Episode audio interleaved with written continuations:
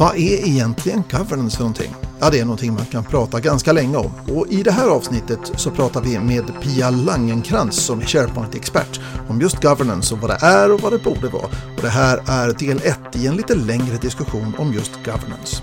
Dessutom så får du som vanligt nyheter om Office 365 här i Office 365-podden. Det är jag som är Mats Warnolf. Välkommen!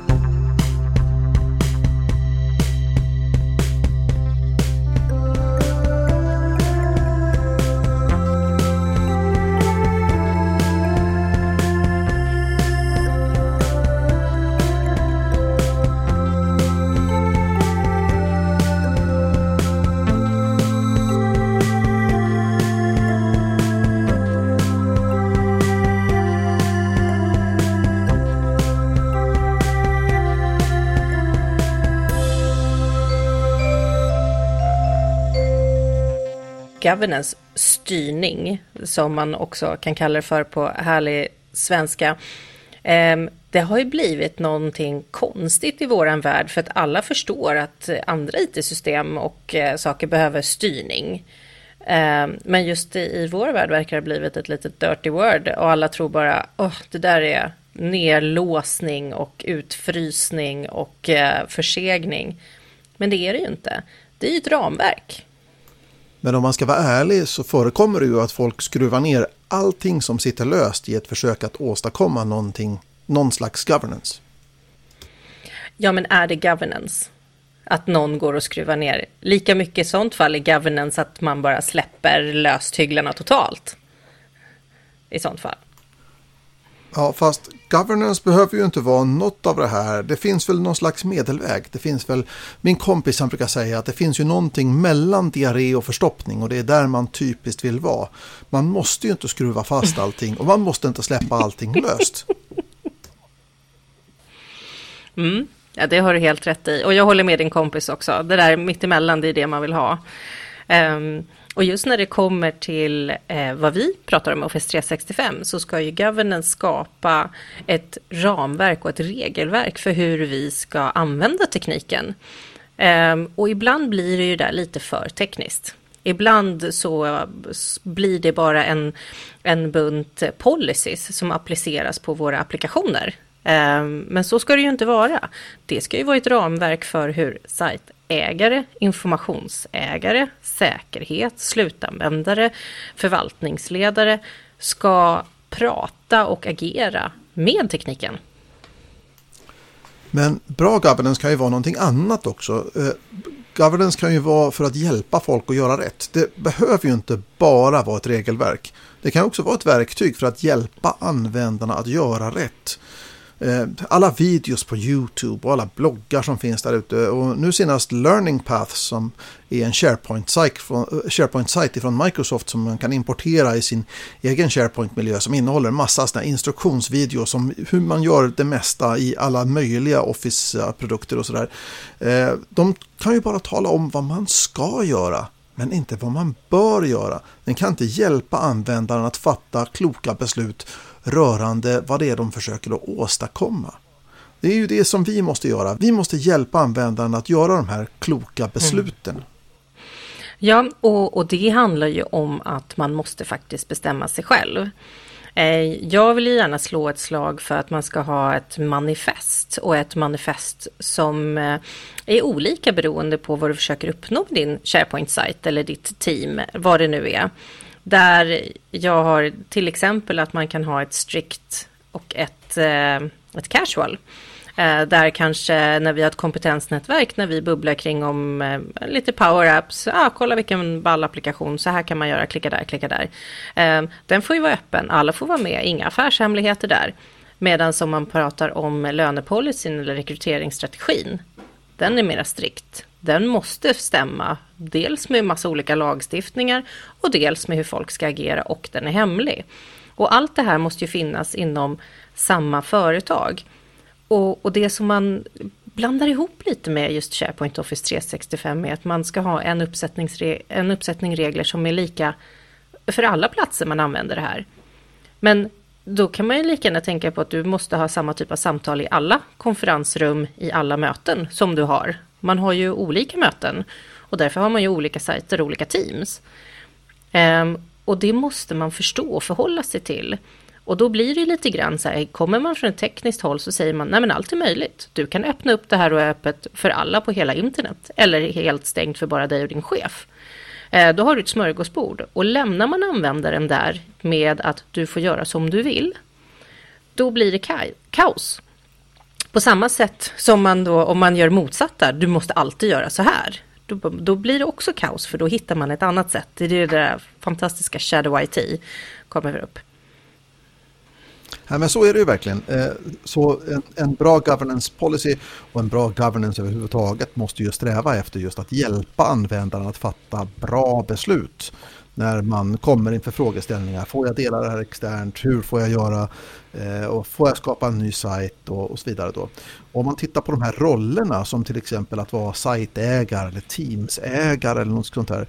Eh, det här är ju sällan som det är IT som ska vara sajtägaren eller teamsägaren utan det ska ju vara ute i verksamheten. Mm. Men vi ger ju, vi, vi inom IT, vi som är proffs, vi ger ju rätt dåliga egentligen på att ge den här personen en bra bild av vad är det jag signar upp för, vad är det som förväntas av mig.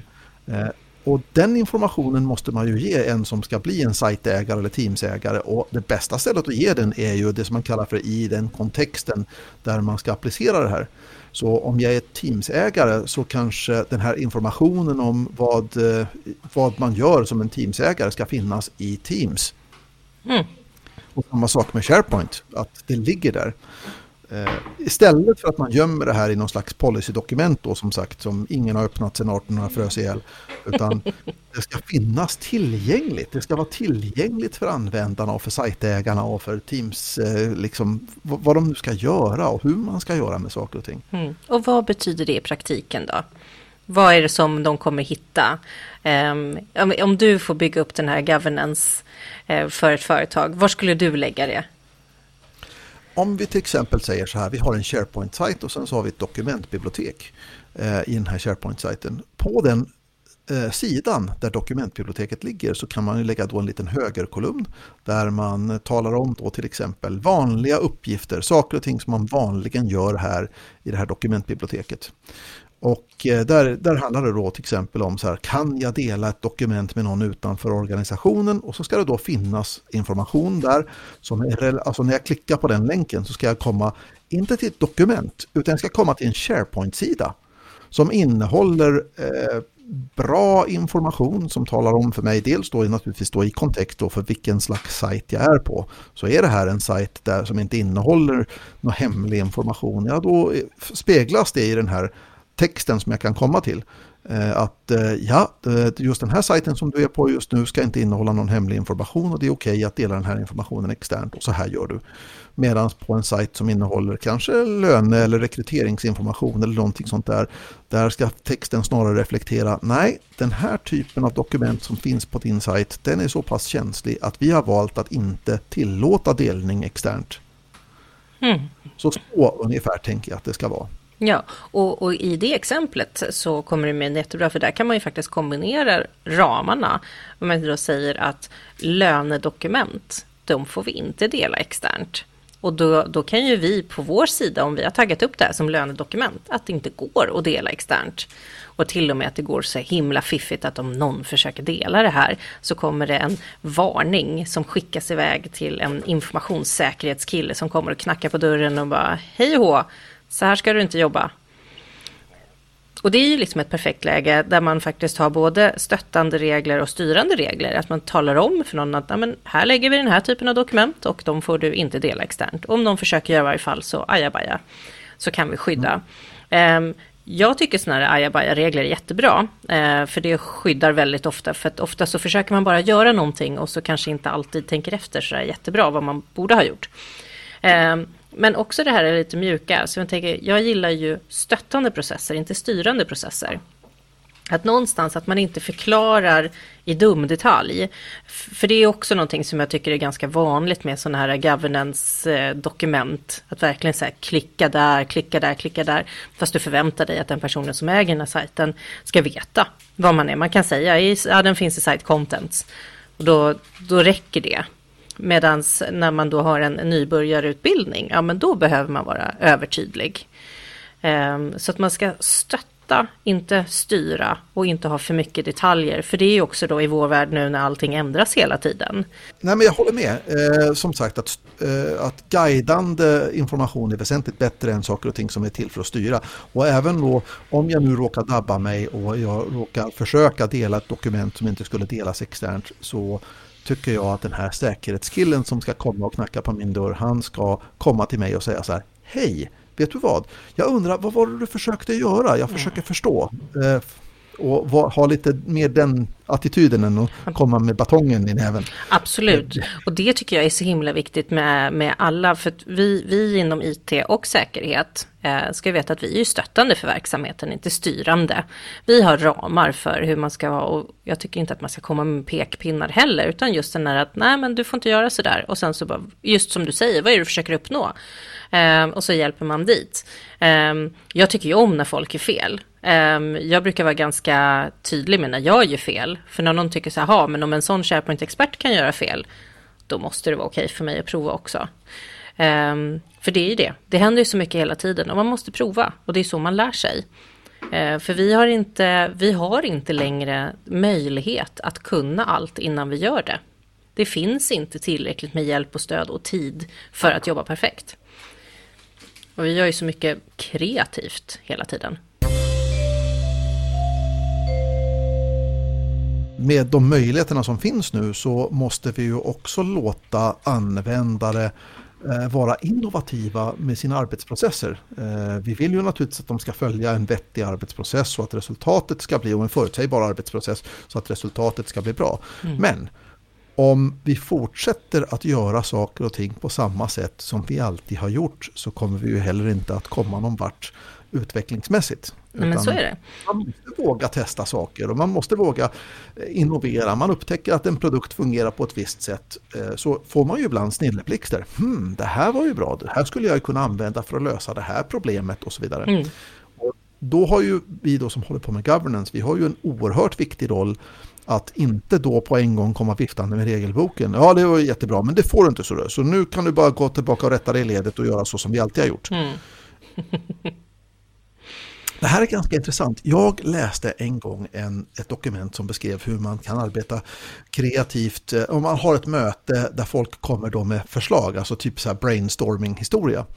Eh, och ni vet ju, eh, en av reglerna när man gör en, en sån här brainstorming-session är att man får inte komma med kritik, man får inte kritisera förslagen utan liksom, det ska verkligen vara så att det får flöda fritt. Och sen när, när man har samlat in alla förslag då kan man börja liksom, gå igenom förslagen och titta på vad är bra och vad är dåligt och så vidare. Mm. Eh, och, eh, men det här dokumentet som jag läste, den föreslog att man skulle ha tre stycken svar. Varje gång som man gick igenom en grej så var man tvungen Alltså när man gick igenom alla förslagen som kom så var man tvungen att komma med tre stycken poänger. Man fick anstränga sig, det kanske var svårt ibland, men man fick anstränga sig för att komma med tre poänger. Vad var bra med idén? Vad var dåligt med idén? Och vad var intressant med idén? Mm. Ja, den ska jag ta till mig och se vad jag kan göra åt den. Ja, bra. Mm. Mm. Ibland hittar man ju saker och ting som huvudsakligen är dåligt. Men det fanns också någonting som var intressant med den. Jag läste någon gång om att det var några som hade som en övning att eh, försöka hitta på den sämsta lösningen på problemet. Eh, just för att få igång den kreativa tanken. Eh, och ibland så var det så här, fast det där var nog inte en så jäkla dålig idé ändå. ja, men ibland så kommer det ifrån. Ibland när man släpper på reglerna mm. så kommer det saker och ting som, ja, eller när man avsiktligen försöker bryta mot reglerna, alltså mm. mentalt, alltså i tanken, eh, så kommer det ju just intressanta idéer mm. och förslag på saker och ting. Mm. Vad tycker du är din bästa eh, governance-grej? Jag tycker att governance är bra, även när det är hårda regler och sånt där så tycker jag att det är ganska bra. Eh, jag gillar att ha staket runt omkring mig därför att eh, min filosofi är att så länge jag rör mig innanför staketet så är jag helt fri i just det. Då kan jag göra egentligen vad jag vill, men eh, jag kan inte röra mig utanför staketet. Men det ger mig en slags frihet, så på det sättet så tycker jag governance är, är oerhört bra. Och poängen är ju också att det ger ju en viss säkerhet. Jag vet att så länge jag bara följer de här kanske tre stycken huvudpelarna inom governance-dokumentet så gör jag som regel rätt, även om det, om det inte står uttryckligen hur jag ska bete mig. Jag själv tänker ju, eh, jag tänker ju på ett helt annat sätt än vad du gör. Och det tycker jag är så himla roligt eh, med, med dig och mig. Jag tycker den bästa governance-grejen är ju faktiskt att man eh, i de fallen då man skapar ett forum för alla sajtägare och informationsägare så att man träffas och pratar. Ehm, personligen tycker jag att det är fantastiskt för då får jag lära mig hur folk använder SharePoint och det är då jag egentligen lär mig eh, mer om plattformen, mer än när jag går till Microsoft. För när de, när de kommer säga så vi löste det här problemet på det här sättet. Och då blir jag så här, ibland får man ju höra de mest fantastiska sakerna och folk har varit kreativa och jag bara, oj, så där skulle jag nog inte satt upp det, men det är ju jättemärkligt, det funkar hur bra som helst för er. Um, och, och, just att folk kan dela med sig av det här, för inom då, när man skapar ett sånt här governance-dokument eller governance-site eller vad man nu vill kalla det för, att man också stänger feedbackloopen, att de som ska läsa det här, följa det här, att man också träffas och pratar om det här. Varför ska vi dela extern, dokument externt på det här sättet? Alltså, ett enskilt möte kan ju inte vara mer än 20 personer, för då är det väldigt svårt att få, få något sagt och gjort. Eh, sen så kan governance-forumet egentligen vara hur stort som helst, eh, för det går ju att följa efteråt och sådär. Men om man vill få ut någonting, man har liksom ett arbetsmöte, kan man inte vara fler än så. Eh, och de bästa grupperna är ju om 12 personer, det är en magisk siffra. Jag var nere på European SharePoint Conference nu eh, och pratade då, eller pratade, satt och lyssnade ska jag säga då, med, på en eh, presentation av en kvinna som heter Susan Hanley som är informationsarkitekt och specialist just på SharePoint. Och hennes magiska gräns, hon sa så här, you should be a two pizza size group. Det vill säga, det ska, två pizzor ska räcka till alla det är jättebra eh, just för att när man ska problemlösa och man ska verkligen lära känna varandra och, och, och, stötta varandra. Sen så kan man ju ha de här olika forumen i olika storlekar. Ibland har man det som informationsmöten, ibland har man det som någonting annat. Men just den här att man, det viktigaste tror jag att, jag, att man har det. Att man faktiskt träffas, att man faktiskt pratar om det här. För att det, det, är någon slags övertro. Det, det, tycker jag är lite jobbigt nu när folk säger att ja, men vi har Office 365 så allting är hur bra som helst. Man bara, ja, hur funkar det då?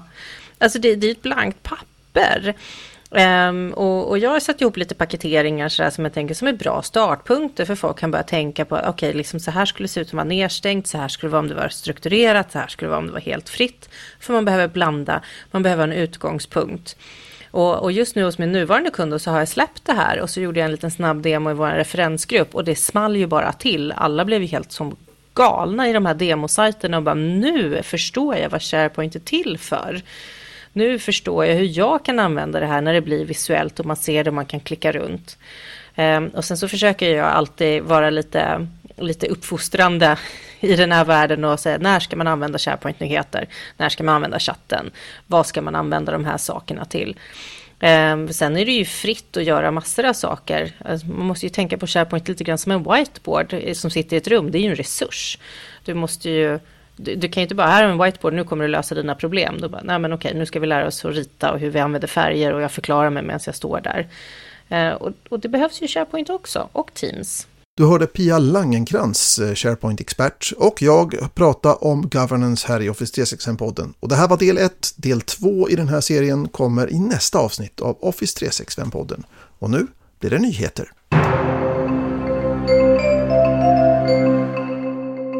En av de viktigaste governance-strategierna när det gäller informationssäkerhet handlar om att få dit känslighetsetiketter på våra dokument och på vårt data. Och det här får vi nu hjälp av Microsoft för att applicera helt automatiskt. Både OneDrive och SharePoint kommer att automatiskt skanna igenom alla dokument som ligger där och applicera säkerhetsetiketter på de här. Men vi kommer också få hjälp direkt i Office-applikationerna. Word, Excel och PowerPoint etc. När vi får till exempel bilagor via mail eller motsvarande. Så när vi öppnar dokumenten i bilagorna så kommer vi automatiskt att få rätt säkerhetsetiketter påhängda på dokumenten. När du bjuder in till möten i Teams så har du redan idag en möjlighet att bjuda in folk med specifika roller, roller såsom presentatör eller deltagare. Du kan göra det här under inbjudan men du kan också göra det här under ett pågående möte så kan du befordra en deltagare till presentatör. Det här är en nyhet, någonting som existerade i Skype for Business under alla åren men som först nu har hittat in i Microsoft Teams och gör mötesupplevelsen kanske lite mer fullständig. Om du har varit med om en svara alla-storm i e-posten någon gång, ja då har jag goda nyheter. Vad är en svara alla-storm undrar kanske du? Jo, det börjar med att någon skickar ett meningslöst mejl, ju mer meningslöst desto större skäl för en storm, eh, till en distributionslista och ju fler människor som finns på distributionslistan desto större anledning till stormen. Och stormen börjar när någon väljer att svara på det här meningslösa meddelandet. Det är att svara alla. Och nu börjar stormen. Då fler och fler svarar alla Ibland med seriösa svar men ofta med varför får jag det här mejlet då? Sluta svara alla etc. Och stormen blir nu i full gång. Elaka ord, frustration. Men det här brukar dö ut ungefär efter en arbetsdag. Nu utvecklar Microsoft ett svara alla-stormskydd i Exchange Online som kommer att upptäcka när vi är på väg att få en svara alla-storm. Och vad den kommer att göra då är att den kommer att blockera folk under några timmar från att svara alla, en så kallad cool down-period vilket innebär i praktiken att en sån här storm har svårt att starta. Någon gång under tredje kvartalet räknar Microsoft med att den här Svara alla-stormskyddet är färdigt för Exchange Online.